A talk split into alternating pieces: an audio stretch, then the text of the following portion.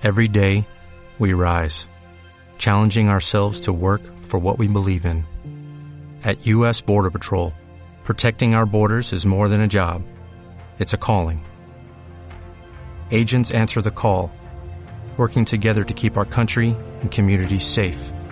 If you are ready for a new mission, join U.S. Border Patrol and go beyond. Learn more at cbp.gov/careers.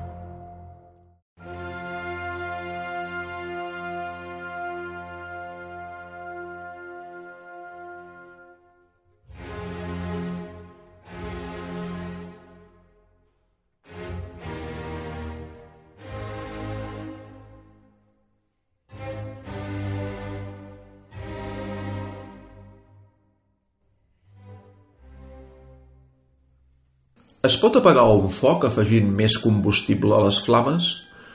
Es pot curar un diabètic amb la prescripció d'una dieta alta en sucres? Es pot superar un cop de calor amb més hores d'exposició solar? Es pot tractar una hipotèrmia amb la immersió en aigües gelades? El sentit comú ens diu que no, però sempre trobarem una excepció. I aquesta notable excepció és la manera com les autoritats financeres i polítiques han tractat i continuen fent-ho els efectes de la gran recessió de fa una dècada. L'expansió monetària i creditícia, això és, la creació descontrolada de diners i crèdits anterior a l'any 2008, orquestrada pel Banc Central i encoratjada per tots els governs, amb tipus d'interès artificialment baixos, va alimentar una gran bombolla immobiliària i financera que ens va portar a una greu crisi econòmica. Aquesta part de la història és coneguda i reconeguda per la majoria de la població. El que ja no ho és tant, però, és la resposta governamental que s'ha seguit fins avui dia. Amb l'anomenada quantitative easing s'hi amaga una política monetària ultra expansiva sense precedents de la història.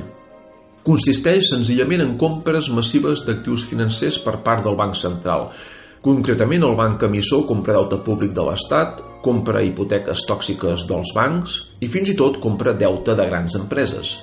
Aquest programa d'expansió monetària d'alta potència es tradueix en tipus d'interès molt baixos. Els Estats Units, que han liderat el programa hiperexpansiu, han estat 7 anys amb tipus d'interès zero, van reduir el tipus des de la caiguda de Lehman Brothers el 15 de setembre de 2008 i fins al desembre de l'any 2015. No el van apujar a un, a un interval del 0,25-0,5%. A l'actualitat, el preu més important de tota economia es troba a l'1,5-1,75% a l'altre costat de l'Atlàntic, lluny dels nivells normals als quals s'ha de tensar a poc a poc, mica en mica. La situació a Europa és similar a la nord-americana, amb tipus d'interès zero des del setembre del 2014. L'argumentació d'aquesta política monetària tan inusual i poc convencional és la següent. Quan el Banc Central compra deute públic de l'Estat, la quantitat de diners augmenta, el comú dels mortals no ho entén, però el banc emissor pot comprar qualsevol bé pagant amb l'emissió de moneda que només ell controla o augmentant les reserves bancàries, que també controla, per ser la màxima autoritat financera, amb poders de planificació central sobre tot el sistema bancari. Aquesta, per, per cert, és una victòria pòstuma de Karl Marx, el creador del socialisme real de planificació centralitzada, quan fa pocs dies, el 5 de maig concretament, complien, eh, es complien exactament 200 anys del seu naixement a la ciutat de Treveris, a Alemanya. El comunisme és un fracàs històric i una impossibilitat econòmica, però, irònicament, perdura en el sector monetari i financer a les anomenades societats capitalistes. I com deia molt encertadament Lenin, per destruir la civilització occidental n'hi ha prou amb destruir la seva moneda. En qualsevol cas, la fabricació massiva de moneda abarateix els tipus d'interès i incentiva l'endeutament. L'accés a crèdits més barats, ens diuen les autoritats, ha d'impulsar el consum familiar i la inversió de les empreses, afavorint el creixement econòmic i la creació de llocs de treball. Aquests, doncs, serien els objectius oficials d'aquesta política monetària ultraexpansiva, del quantitative easing. El primer, proveir liquiditat per reduir el risc de contagi. El segon, evitar a tota costa la deflació i assegurar una inflació moderada del més 2%.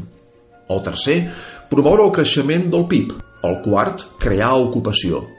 De res ha servit l'exemple del Japó en crisi des del 1990 i que porta tres dècades perdudes intentant redreçar la situació en polítiques fiscals i monetàries molt expansives, les mateixes que han replicat els Estats Units i tots els altres països.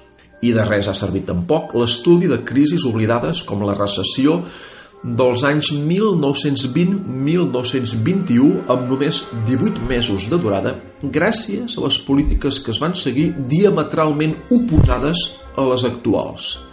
L'aleshores president nord-americà, que era Warren Harding, no va dubtar a contenir la creació de moneda situant el tipus d'interès al més 7% i provocar una intensa caiguda dels preus amb deflació del menys 18% suficient per liquidar les empreses inviables i massa endeutades, sanejar les finances i tornar a créixer amb força d'acord a les necessitats reals de la població i amb una estructura productiva ja molt més equilibrada i sanejada.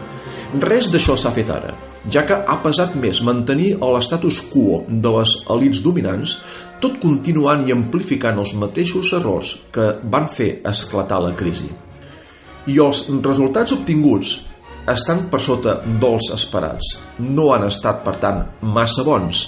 S'ha reduït el risc de contagi, és cert, però el preu de salvar bancs en fallida i socialitzar les seves pèrdues en total impunitat, sense aconseguir la inflació pretesa del més 2%, el quantitative easing ha injectat mils de milions a les borses i als pressupostos dels governs.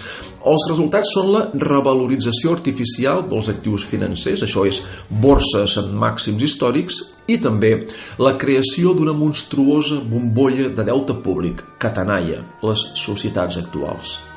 Al mateix temps, aquestes polítiques ultraexpansives creen profundes desigualtats socials. Una minoria, propera al poder, s'enriqueix fàcilment sense acreditar un gran full de serveis, mentre que la majoria treballadora veu com els sous es retallen i les condicions laborals empitjoren. En relació als objectius de creixement del PIB i creació d'ocupació, millor deixar-los per la setmana vinent. Recordar, però, i per finalitzar, que el quantitative easing té data de finalització a Europa serà l'octubre del proper 2019, l'any que ve, quan es substitueixi l'italià Mario Draghi a la presidència del Banc Central Europeu. Aleshores, amb la recuperació dels tipus d'interès normals, hi haurà el plor i el cruixir de dents.